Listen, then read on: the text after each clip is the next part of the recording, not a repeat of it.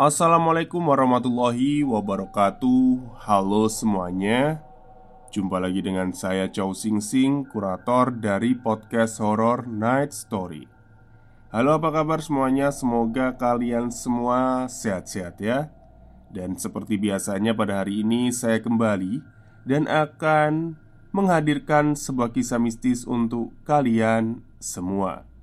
Kisah mistis kali ini saya datangkan dari Kang Mahrus Ali, tweetnya Kang Mahrus Ali ya Yang menceritakan tentang pengalaman istrinya sewaktu masih di pesantren Oke daripada kita berlama-lama Mari kita simak ceritanya Cerita ini terjadi ketika aku masih di pesantren sebagai santriwati senior dan terkenal agak nakal, agak ya. Hidup di pesantren terkadang bikin jenuh. Banyaknya rutinitas ditambah kadang ada masalah dengan teman dekat di pesantren juga bisa bikin bete. Tapi banyak asyiknya sih. Udahlah. Aku nggak akan cerita tentang rutinitas yang ngebetein Tapi tentang kisah aneh atau kisah seram yang aku alami. Saat itu entah malam apa ya, lupa aku. Jadwal di pesantren jam 8 ada ngaji kitab di gedung madrasah dekat pesantren putra. Aku harus berjalan kaki sekitar 100 meter dari asrama putri. Masuk kelas, duduk sambil buka kitab seperti biasa. Lama banget nungguin ustadz belum datang. Sampai akhirnya udah jam setengah sembilan Tiba-tiba muncul keinginan untuk keluar cari cemilan di toko luar pesantren. Ada salah satu ustadz yang masih jomblo dan deket sama aku. Ya akhirnya dia pinjamin sepeda motornya buat aku. Karena aku juga udah santriwati senior ya dikasih. Syaratnya cepat balik dan jangan kelayapan ke mana-mana. Kutuntun sepeda motor Dari depan kantor madrasah sampai ke pintu gerbang Langsung ku tancap gas. Saat itu juga aku ajak Nia, temanku Buat beli jajan. Ya agak dingin malam itu. Karena memang habis turun hujan sorenya. Jalan-jalan aspal yang bergelombang masih ada genangan airnya. Jadi aku jalan pelan-pelan biar nggak kena air. Tiba di depan toko cemilan, aku parkir, terus ambil kresek, buka tutup toples yang isinya makroni balado. Karena udah langganan ya buka tutup sendiri. Setelah itu aku kembali ke motor. Di dalam perjalanan, aku bilang ke Nia, "Nyak, ikut aku bentar ya, mumpung bawa sepeda motor." Nia memang sering dipanggilnya, biasalah kalau akrab gitu sering ngerubah nama temen Aku ngajak Nia ke bekas stasiun. Di sana ada lokomotif kawak zaman Jepang. Memang katanya bagus. Sudah jarang ada lokomotif kayak gitu. Dan di situ ada yang jualan madu asli. Aku pingin beli. Nia sih ngikut aja. Dengan naik motor Supra X Yang lampunya nggak begitu terang. Aku dan Nia menuju stasiun lama. Memang, jalan menuju ke sana cukup gelap karena lampu jalan gak ada. Cuma cahaya lampu dari rumah-rumah warga. Sekitar jalan masuk stasiun, kanan kirinya berjajar pohon yang rindang. Entah apa yang dipikiranku saat itu. Nekat banget, malam-malam begini pingin beli madu.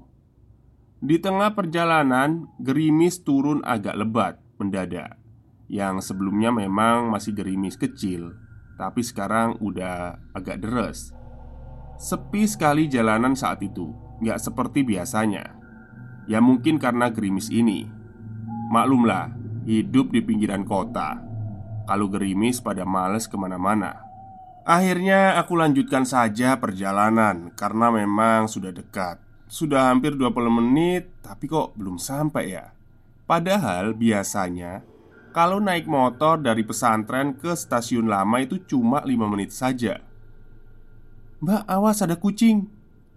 Tiba-tiba Nia meremas pahaku Yang memang dari tadi dia pegangan pahaku. Aku kaget dong Dan Alhamdulillah aku nggak nabrak kucing Aku rem motorku. Setelah berhenti Aku dan Nia Melihat sekitar. Ternyata Dari tadi Aku hanya muter-muter saja Di sekitar sumur tua yang ada di belakang SD sekitar 200 meter dari stasiun lama. Jalan menuju sumur itu masih berupa tanah dan banyak rumputnya, karena memang sudah tidak pernah dipakai. Kita berdua saling berpandangan dan terus istighfar. Walaupun merinding dan gemetar, Nia menarik motorku yang masih ditumpangi. Sepi gelap gerimis campur takut menjadi satu. Kaki Nia gemetar. Nia terus istighfar. "Mbak, balik saja, Mbak. Beli madunya besok." Ucap Nia sambil masih terlihat ketakutan Memandangku yang juga masih gugup Dan sesekali Nia melirik sumur tua yang ada di belakangnya. Dia seperti shock. Akhirnya Nia menyuruhku untuk duduk di belakang saja Biar Nia yang nyetir motornya. Selama di perjalanan Aku cuma bisa diam. Tak ada percakapan sedikit pun dengan Nia. Pukul 21.25 Sampai di madrasah Dan udah sepi Tinggal Ustadz yang punya motor saja Memang ngaji biasanya jam 9 malam udah selesai Nia parkir motor dan menyerahkan kunci. "Makasih, Pak. Maaf kalau lama nunggu." "Mbak, kok diem aja sih?" Kata Nia padaku. "Oh, nggak apa-apa. Kita balik dulu ya, Pak." Kataku. "Assalamualaikum." Pikiranku waktu itu masih kosong ya. Sampai di kamar pondok, nggak ada percakapan apa pun dengan Nia. Dan Nia juga nggak berani tanya apa pun padaku Eh mbak, minum dulu Kata Nia sambil membawakan segelas air padaku Aku dengan suara lirih berkata Eh Nyak Tadi kamu lihat sesuatu nggak sebelum kita berhenti di depan sumur tua itu? Enggak mbak. Cuma jalanan sepi dan gelap. Jawab Nia sambil mengambil gelas yang aku pegang. Tadi sebelum kita berhenti Aku lihat banyak orang yang pada sibuk bangun rumah. Banyak banget orangnya. Ketika mau lewat kerumunan orang itu Ada kucing tadi. Dan Aku kaget Sekejap Semua pandangan jadi gelap. Terus Tiba-tiba aja ada sumur tua itu di depanku. Loh Iya toh mbak? Tak pikir memang itu jalannya. Iya Makanya tadi aku cuma bisa diem gemeteran. Saat cerita itu Tiba-tiba angin kencang membuka jendela kamarku.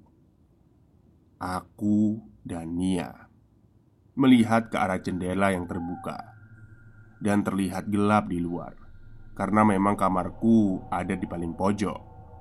Ternyata cuma angin. Nia berdiri dan menutup jendela. Mbak Ini bau apa ya? Tanya Nia. Seperti bau bunga kamboja. Mbak ini bunga kamboja kayaknya. Ternyata Nia dan aku sama-sama mencium bau itu Akhirnya kita berdua langsung keluar kamar dan ikut tidur di kamar sebelah. Sungguh kejadian malam itu membuatku takut dan sampai sekarang kalau lihat sumur tua itu lagi jadi merinding. Ya karena keesokan harinya Aku dan Nia kembali untuk beli madu asli di rumahnya Mbah Jinem. Aku ceritakan kejadian malam itu kepada Mbah Jinem. Wah landu, nduk Untungnya kalian gak kebablasan Ucap Mbah Jinem sambil menepuk-nepuk pahaku Emangnya kenapa toh mbah? Nia mulai penasaran Menurut cerita Mbak Jinem, sumur tua itu udah ada sejak zaman penjajahan dulu. Dan pada waktu gencar-gencarnya PKI, warga memakainya untuk menyembelih pengikut PKI yang ada di situ. Mayatnya dan kepalanya dicemplungkan di sumur itu, kata Mbak Jinem. Mbak Jinem juga cerita pernah ada anak SD yang tiga hari hilang. Ternyata dia tertidur di sebelah sumur tua itu. Katanya, dia waktu itu pipis di tempat itu, terus ada orang yang nyuruh pipis di rumahnya. Besar sekali rumahnya. Kemudian dikasih makan enak-enak. Saat itu katanya sedang ada pesta sunatan anak orang kaya. Karena nggak berani sunat sendiri, terus ngajak anak SD tadi buat sunat bareng. Semua biaya ditanggung dan dikasih uang saku yang banyak. Singkat cerita, anak SD itu mau ikut disunat untuk ditemani menemani anak orang kaya itu. Dan ternyata saat ditemukan memang dia sudah disunat dan diperban seperti disunat calak pada umumnya. Oh, kayak sunat jin gitu ya, disunat jin itu ya. Oke, lanjut. Ya untung dok, awakmu langsung sadar, kata Mbak Jinem Mendengar cerita itu, aku dan Nia cuma diam, gak ngebayangin apa yang akan terjadi. Mulai saat itulah aku sudah gak berani lagi keluar malam dari pesantren, apalagi menuju ke rumah Mbak Jinem untuk beli madu. Kalau siang masih berani, tapi kalau udah nengok ke arah sumur tua itu malam ya nggak berani lah. Jadi ini buat pelajaran bagi kita semua yang suka bohong Ngomongnya cuma beli cemilan, taunya ke mana-mana Terima kasih sudah membaca ceritaku Terima kasih kepada Mas Kang Mahrus Ali Buat ceritanya. Jadi ini kisah yang dialami oleh istrinya Kang, Masru, Kang Mahrus Ali ya. Kisah nyata yang dialami istri dari Kang Mahrus Ali. Ya Nakutin sih. Tapi saya sudah jarang mendengar ya. Dulu itu memang uh, lagi tren-trennya ya Disunat jin gitu Saya pikir gimana disunat jin itu? Ternyata ya seperti itu. Tiba-tiba aja Apa namanya uh, Si Bono uh, Kalau laki-laki punyanya laki-laki itu Kulupnya itu udah lepas gitu. Ya udah bersih itu Jadi ganti helm gitu. Ya hemat juga sih Tanpa ke sunat laser ya Tapi aman lah menurut saya. Oke Mungkin itu saja cerita hari ini. Semoga kalian suka. Wassalamualaikum warahmatullahi wabarakatuh